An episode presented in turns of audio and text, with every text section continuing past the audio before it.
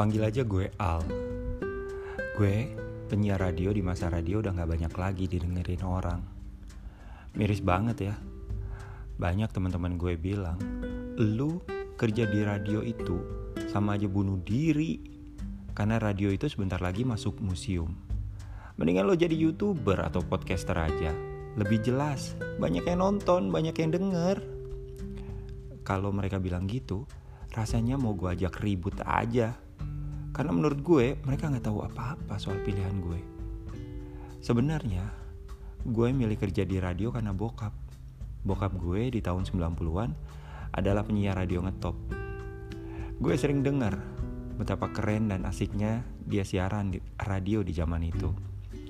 Cerita-cerita dia itu bikin gue dari kecil kepingin banget siaran radio. Jadi gue beneran gak peduli sama omongan orang kalau radio itu bakal hilang gue bener-bener enjoy siaran radio. Apalagi gue bisa siaran sambil tetap mengejar cita-cita gue yang lain. Jadi penulis jadi sutradara film. Panggil aja gue Al. Gue penyiar radio yang masih kuliah di jurusan film di KJ selain siaran gue juga suka nulis.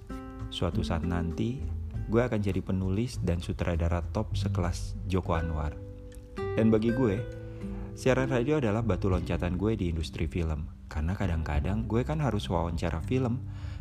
Wawancara orang-orang di balik film yang lagi promo film di radio gue. Dari situ gue jadi bisa kenalan sama mereka. Pokoknya gue tuh enjoy banget dengan hidup gue saat ini. Hidup gue berkutat dari kampus dan radio. Sesekali sih nongkrong sama teman-teman. Tapi ketenangan hidup gue terganggu saat produser di radio tempat gue siaran minta gue ngebawain acara cinta. Damn. Gue Al dan gue gak percaya sama yang namanya cinta. Karena gue udah ngalamin sendiri kalau cinta itu cuma ngerusak bagi hidup banyak orang. Hidup keluarga gue, hidup teman-teman gue, dan hidup gue. Bagi gue, Cinta adalah penyebab pernikahan orang tua gue berantakan. Gara-gara cinta sama cewek lain, gue kehilangan bokap gue. Dan gue harus ngelihat nyokap gue jadi perempuan yang paling menyebalkan di dunia ini. Gara-gara cinta, teman-teman gue jadi gak asik lagi. Sejak punya pacar, mereka jadi bajingan egois yang cuma mikirin pacarnya doang. Gara-gara cinta, hidup gue pernah berantakan. Nanti deh, gue bakal ceritain sama kalian soal kisah cinta tragis yang bikin gue jadi trauma. Bikin gue jadi membenci cinta. Bagi gue, cinta itu omong kosong. Ilusi yang diciptakan orang cuma buat jualan. Karena jualan cinta itu selalu laku. Film cinta laku, novel cinta laku. Dan sialnya, stasiun radio gue yang kabarnya mau bangkrut ini pun saking frustasinya jadi maksa gue buat bawain acara cinta. Nama acaranya Cinta adalah hadiah terindah. Oh ya, siapa yang mau percaya? Gue ngotot nolak. Bagi gue, cinta adalah kutukan. Gimana mungkin gue bisa ngebohongin semua pendengar gue dengan ngomongin cinta? sesuatu yang gak gue percaya. Tapi produser gue tetap ngotot. Gue bilang, emang gak ada penyiar lain? Terus dia bilang, harus elu, karena suara elu itu paling cocok buat bawain acara romantis. What? Ini sama sekali bukan pujian buat gue. Gue tetap gak mau. Produser gue terus ngotot. Karena gue nolak, jadwal siaran gue langsung hilang guys, hilang. Beneran hilang. Anjrit banget ya nih orang. Padahal gue lagi butuh duit. Lo tahu, nyokap gue janda. Gue pernah dengan gagah berani dong bilang ke nyokap gue kalau gue nggak mau nyusahin dia lagi. Setelah gue siaran, gue bisa nanggung hidup gue sendiri. Jadi nggak mungkin dong gue datang ke nyokap lagi buat minta duit bulanan lagi. Sialnya lagi nih, dalam kondisi corona begini, pindah kerja bukan pilihan yang masuk hitungan kan? Gue gak punya pilihan selain bawain acara itu atau jadi pengangguran. Akhirnya malam itu gue ada di studio sambil jawabin telepon-telepon pendengar yang curhat gak penting soal cinta. Tapi itu bukan puncak kesengsaraan gue. Karena kalau penelpon doang sih, bisa dengan gampang gue cut dan langsung masuk lagu. Produser gue juga gak nyolot soal ini. Karena dia ngerti bahwa durasi penelpon gak bisa lama-lama. Karena bisa bikin bosen pendengar. Nah yang bikin gue sengsara nih dan bikin frustasi adalah Produser gue minta gue bacain email cerita cinta para pendengar gue. Dan kali ini gue harus membacanya dengan tuntas. Dan gue wajib membacanya dengan penuh penghayatan. Sehingga pendengar gue bisa ngerasain apa yang dirasain oleh penulis email itu.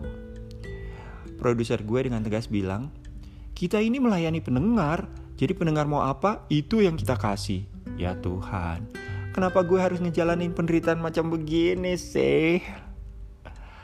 Kalau gue harus melayani pendengar nih, kenapa nggak sekalian aja gue bacain cerita-cerita 21 tahun ke atas, ya nggak? Gue rasa kalau radio tempat gue kerja ini mau dengerin usulan gue, ini tempat nggak bakalan bangkrut. Pendengar tambah banyak dalam waktu singkat. Produser gue langsung nyolot denger ide gue. Dia bilang, ide lo bagus, bagus banget. Karena besoknya nih radio langsung ditutup sama KPI. Dia langsung nyolot banting pintu pintu studio gue. Gue pulang ke apartemen dan gak tahu harus ngapain. Kepala gue jadi penuh dengan suara-suara. Berasa semua jadi flashback. Gue keingetan soal teman gue yang ngetawain gue yang masih siaran radio dan ngusulin gue buat bikin podcast.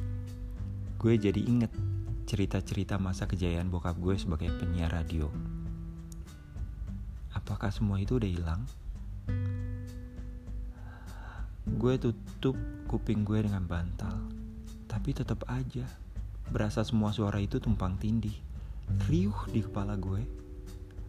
Gue lalu duduk menghadap jendela apartemen, menatap lampu-lampu gedung yang menghampar di gelap malam.